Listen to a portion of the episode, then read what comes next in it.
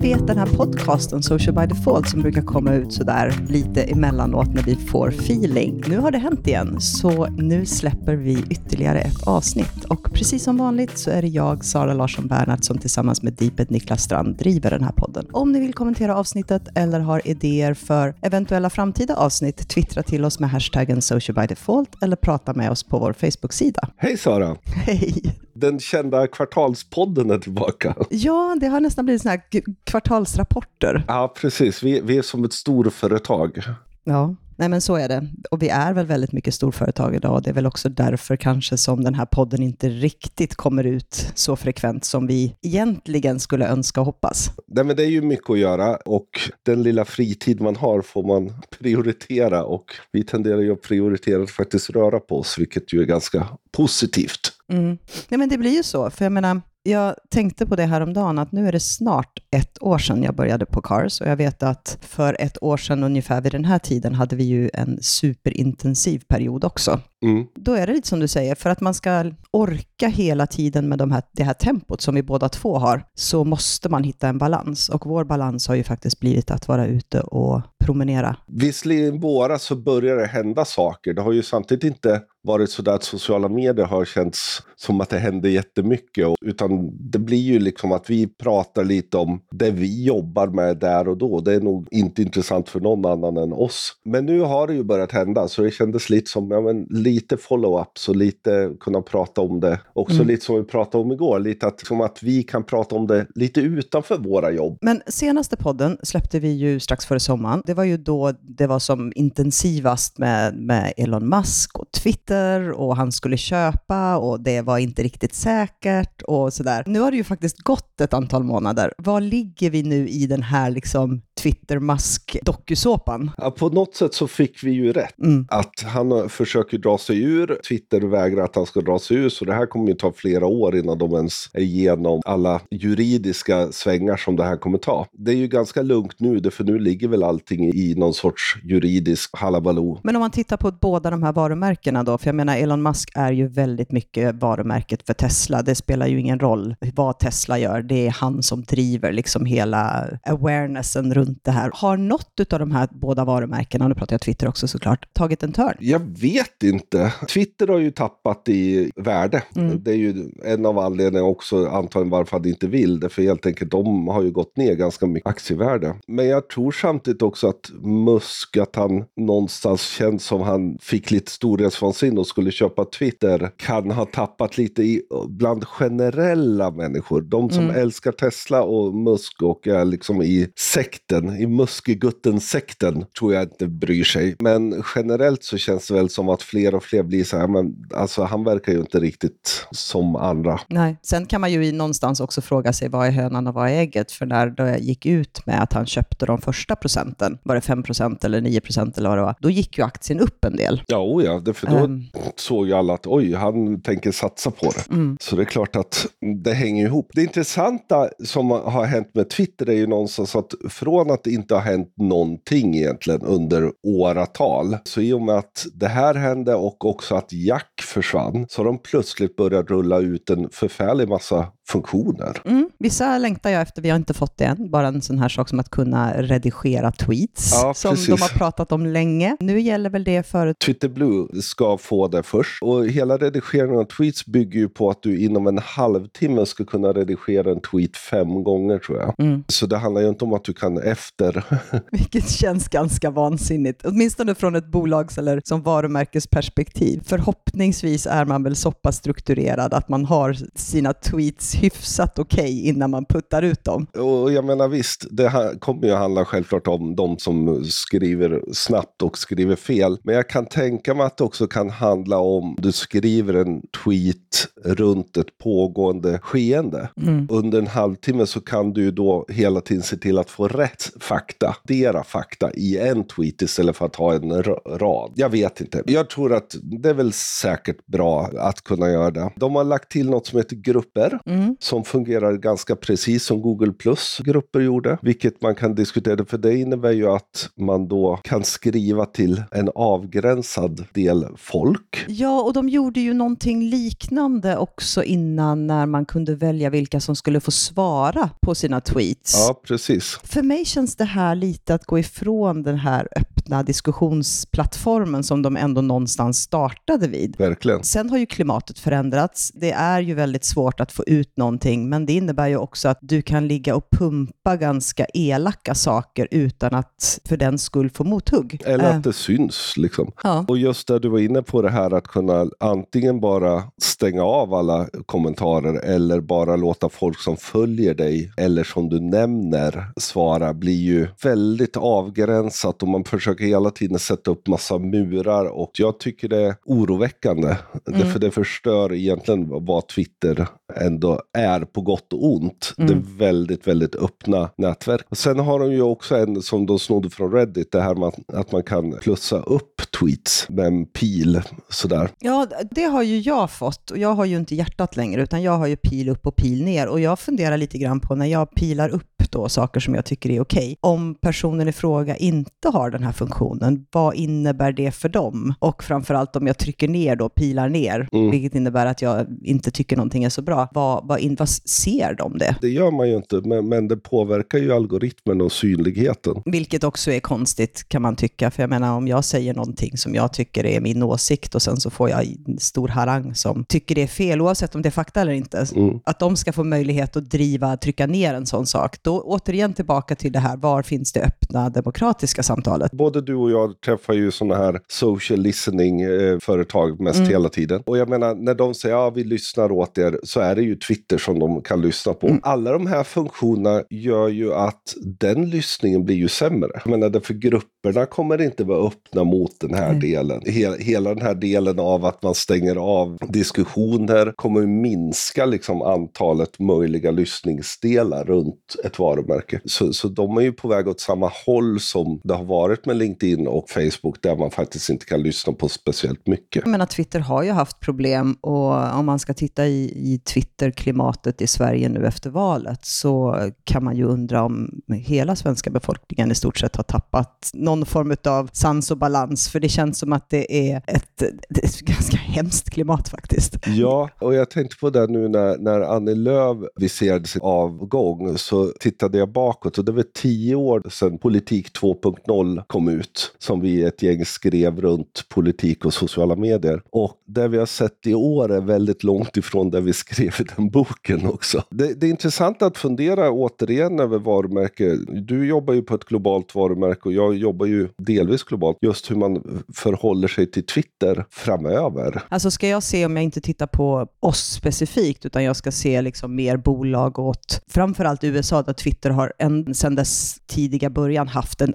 ett annat fotfäste, så är det extremt viktigt för varumärke utifrån att kunna vara det här liksom kommunikativa på ett mm. helt annat sätt. Där ser man ju snarare att det är social media managers som driver dialog varumärken emellan för att, bygga, för att bygga varumärket. Dels när det gäller vanliga FMCG-varumärken, men också om man tittar i hela idrottsklustret, hur de här liksom sportvarumärkena, och då pratar vi inte Nike och Adidas och dem, utan vi pratar klubbvarumärken. De är ju extremt närvarande och mm. extremt mm. kommunikativa och det finns hintar utav klimatet fast med en glimt i ögat för att de liksom triggar varandra och det är inte ett fulspel, mm. vilket gör att de här är ju vansinnigt roliga att följa. Just att börja titta på de kluster som kan vara intressant och försöka jobba med dem. Och, och där blir det ju att man får lov att göra ganska mycket research för att hitta de här. Ska man översätta det in i liksom Sverige så tror jag att man som varumärke har ganska svårt att landa där. Det är svårt med ironi. Det är ännu svårare med ironi på svenska och vi har inte den kulturen. Skulle man som varumärke försöka liksom kopiera det här så tror jag att man skulle få ganska mycket skit, tyvärr, för att klimatet hos oss är på det sättet. Men om vi går till så säga, den andra sidan av sociala medier då, LinkedIn.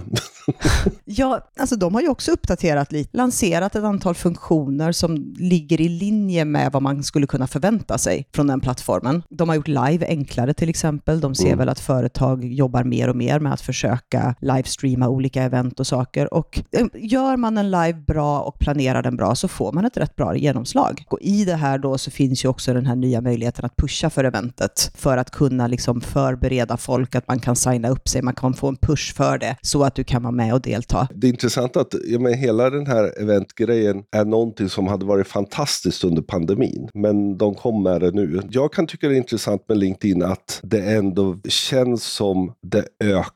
Det känns som folk tar det på mer allvar och framförallt också att verkligen det går in mot att vara det här professionella nätverket även i folks huvuden. Men jag tror också att det vi ser är också delvis resultatet av de små tweakar som de gjorde i algoritmen redan i våras. Vi ser inte lika många clickbait-poster längre. Nej. Vi ser inte lika många av de här qa delarna som de sa att de skulle, det här när folk har gameat algoritmen för att synas. Så det gör också att flödet har blivit renare mm. och lite mer professionaliserat. Och samtidigt också lite mer person inrikt. Visst, det finns de här typiska LinkedIn-posterna från LinkedIn-experter, men jag tycker att jag ser färre av dem. Mm. Och mer vanligt folk som skriver om sitt jobb, men också någon sorts liksom, öppning för diskussioner för att faktiskt prata om saker. Jag kan tycka det blir trevligare och trevligare att vara på LinkedIn generellt. Och i, just i den här dialogen har man ju nu också öppnat upp för möjligheten att faktiskt pinna en av de kommentarer som man tycker är viktigast för att spark the continuous dialogue. Och det här är ju någonting som jag tycker att man som framförallt varumärke och bolag ska fundera på. Mm. För återigen, vi måste få igång diskussionerna. Har du då någon som har kommenterat där kommentaren i sig kan leda till vidare diskussioner, upp med den, pinna den så att den syns och var med i den dialogen. Mm. Och det som är intressant är ju att de har till skillnad mot alla de andra valt att öka på viraliteten. Både i och med den här nya repost-funktionen som mm. inte stökar till algoritmen, men också med alla reaktioner, med kommentarer. Jag menar, man ser det direkt i sitt flöde att folk är aktiva. Och det tycker jag är ganska intressant, för jag menar, medan de, alla de andra går lite bort från det och går mot generella rekommendationer, så går LinkedIn liksom verkligen, ja men vad har dina vänner gjort under tiden du har varit borta? Sen har de ju gjort en jätteförändring där jag vet att vissa företag har kommit längre. De har ju faktiskt sett till nu att öppna upp ett riktigt business manager mm. som gör att du kan samla allting under ett och samma paraply. Och det var väl på tiden, kanske man ska säga. Ja, den var lite stökig att starta mm. bara, eftersom man måste göra om alla roller och man tenderar att ha ganska mycket folk som sitter där. Men det är bra, då kan man rensa ut de som inte borde vara där. Och när vi så säga, lämnade förra gången, förra kvartalet, så var det precis på gång att Instagram hade gjort om jätte, jättemycket. Vi pratade ju om det, att vi tyckte att de hade börjat gå sönder. Jag tror att jag var i en av de tidigare försöksklustren där jag hade en timeline där det var en vänuppdatering, 14 rekommendationer, någon sponsrad, tre vänuppdateringar, 14 rekommendationer, någon mm. sponsrad. Och det här var ju precis i början av sommaren. Då fick, tycker jag personligen, Instagram hybris och blev totalt vettskrämda av TikTok och gjorde så många förändringar samtidigt att plattformen inte gick att känna igen. Den gjorde en hel turnover. Mm, jag vet inte om ni minns minns det, eh, ni som lyssnar, men förutom då att de ökade upp rekommendationerna enormt, så gick de ju också in och började experimentera med bildformaten, köra 9.16-format på bilder, lägga texterna i bilderna istället, alltså helt enkelt göra väldigt mycket TikTok och trycka upp reels. Det vi märkte då, och inte bara du och jag, var ju att användandet började dala och det, var, mm. det liksom surrades om en, ett ganska stort missnöje runt de här förändringarna. Och det var ju ganska stora ifrågasättanden från mm. inte minst kreatörer, alltså influencers som kände direkt att de tappade jätte, jättemycket. Och då backade de ju i princip så att över en timme så plötsligt var det gamla Instagram tillbaka. Men det vi ser är väl att de fortfarande, de har kvar reels, alla videos under 15 minuter blir det en reel automatiskt. Det är rekommendationer. Utan det de gör nu snarare är ju att eh, istället för att stoppa ner en groda i kokande vatten så nu ökar de värmen mm, så att vi grodor ska sitta kvar. Det felet de gjorde var att de gjorde för många förändringar på samma gång så att vi kände inte igen plattformen. Och det rätta sättet är precis som du säger, man gör små, små förändringar. Vi kommer säkert landa här framöver, för det är dit de vill. Deras vision är någonstans att försöka försöka bli nya TikTok i det segmentet. Men genom att göra de här små förändringarna successivt så kommer vi mm. vänja oss och då är det lättare att få med sig hela communityn. Men det som fascinerar mig, liksom jämför TikTok och Reels, ja, men det är ju inte ens samma jag får. Liksom. Alltså, det är inte ens i nivå av varandra. Hur tänker du då? Ja, men TikTok är mycket svenskt. Det är en väldigt bred mix eftersom jag inte gör så mycket, vilket, så, så att jag får en ganska bred mix. Det är mycket halvdåliga filmer och liksom typiska TikTok-nivå på sig. Och så går jag in på Reels är nästan bara internationellt. Det är liksom alltid väldigt bra kvalitet. Det är mycket sådana här riktiga filmer. Och det fascinerar mig hur det kan fortfarande vara så stor skillnad. Och det kan väl säkert ha med att jag följer de jag följer på Instagram. Medan på TikTok har, finns det extremt lite. Jag är svensk, jag är 50 år, stannar ofta och tittar på Magnus Bettner. Liksom, det är ungefär där, där mm. de kan veta om mig. Men det är så otroligt stor skillnad. Det var ju någon Wall Street-artikel där det stod att TikTok in average är 197 timmar per månad medan Reels var 19,7. Där tror jag att de har en jättestor problem. Vilka av dem? Instagram. Ja. Och jag tror att det ligger flera olika anledningar till det här. Det första är fortfarande att trots att målgruppen i de olika plattformarna börjar väl bli mer och mer lika så finns det ett mycket starkare ungdomskluster fortfarande på TikTok som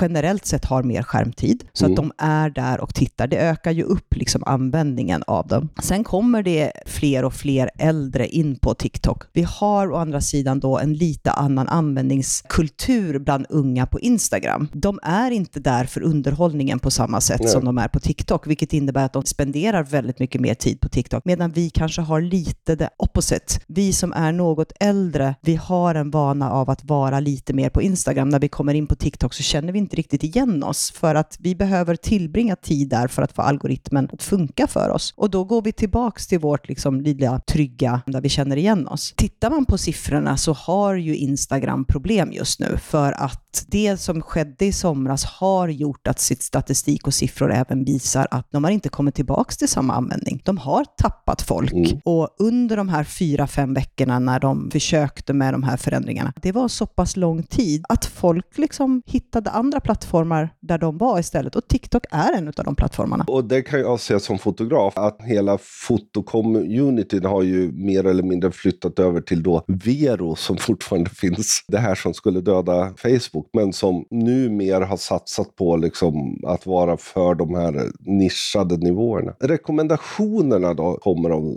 sätta igång med. Det som jag tycker är intressant med Instagram, är, förutom att Mosseri är där varje vecka och berättar vad de håller på med, är också att de faktiskt är ganska öppna med algoritmen helt plötsligt. Mm. Vad är det de tittar på? Och då har de ju gjort tre saker som jag tycker är ganska intressanta utifrån hur ska man komma med i rekommendationsalgoritmen. Och den första är originalinnehåll. De kommer ju slå ner på duplikat. Vilket kommer att stöka till för så många bolag. Ja. Och det är inte, alltså, de gör väl egentligen vad Google gjorde för många, många år sedan genom att straffa sidor där det är exakt samma texter för att de vet inte riktigt vilken sida de ska lyfta i ett sök. På samma sätt blir det ju på Instagram.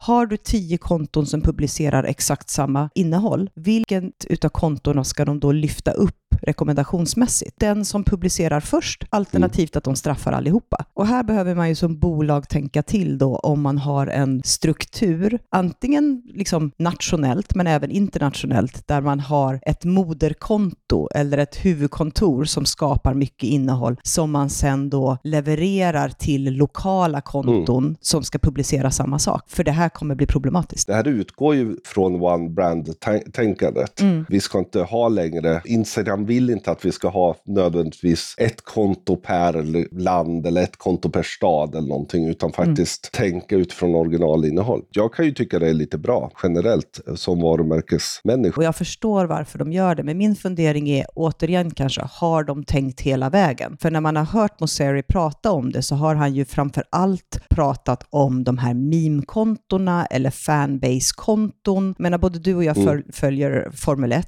Jag är ju fullkomligt kär i Lewis Hamilton och följer honom. Och genom att jag gör det så rekommenderar jag ju konton med samma innehåll. Och det innebär att jag kan få samma bilder av honom på mm. flera olika konton. De här kontona tjänar ju såklart pengar, men de har inte skapat något själva. Det var ju där de började slå ner på saker och ting. Men det kommer ju spilla över och påverka även varumärken i de strukturer som vi har byggt upp. Den andra är ju skapa reels för att vara med. Helt enkelt att innehållsstrategin måste innehålla feeden, det måste innehålla stories och det måste innehålla reels för att få ett bra plats i då rekommendationsalgoritmen. Och det ju, blir ju en utmaning utifrån ett content-tänkande. Ja, och här, nu låter jag som jag är extremt superskeptisk, men här blir ju min fråga då, om alla videos som laddas upp på plattformen automatiskt blir en reels om de är under 15 minuter, vad är det då som skiljer en videopost från att göra en reel? Där man kan titta på att reelsen finns det ju, åtminstone för privatkonton, så finns det ju redan färdiga mallar som är extremt dynamiska. Du, du har redan en färdig musik som du kan lägga på, alltså de gör halva jobbet åt dig och mm. du stoppar in dina bilder. Vad blir då en videopost och vad blir då en reel i den här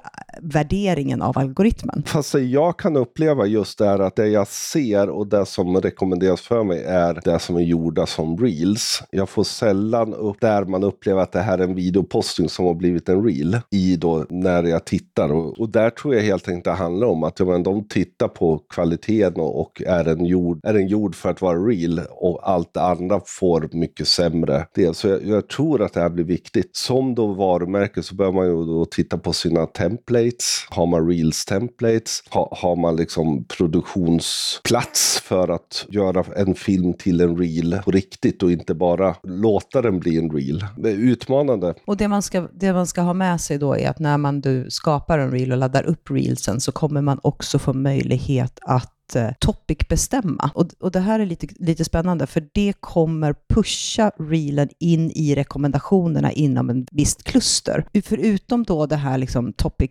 tagging, eller vad man ska säga, så finns det också en rekommendation att faktiskt använda sig av två eller tre hashtags. Och det här är återigen ett sätt att kanske snabba på då möjligheten att synas i de kluster inom det skråt som reelen handlar om. Och där är ju en viktig del just det, för det blir ju ett sökoptimeringsarbete arbete mm. man plötsligt ska göra på Instagram som man aldrig nästan har tänkt på. Det har varit så här, ja vi kör lite hashtags, that's it. Men här får du ju där de tittar på vad skriver du, vilken topic, alltså i taxonomin av den delen. Självklart sen kommer bilderna också bli en sorts sökdel också. Och här läste både du och jag en intressant artikel häromdagen. De har gjort en undersökning om hur lång caption ska man ha för en reel versus foto. Och där de insåg att har du en kort caption på Reels så går det bättre. Du får fler kommentarer, du får bättre viralitet och du får fler views kontra om du har en riktigt lång text på Reelsen. Men när det gäller foto och bilder som vi är vana vid, I feeden, ja. där är det tvärtom. Där ska du faktiskt passa på att skriva längre. Och det är ju intressant, för det där har ju vi diskuterat på många år, det här att mm. det finns någon sorts generell att man ska inte trunkera. Reels, nej, men i foton, och det hänger ju ihop med att man tittar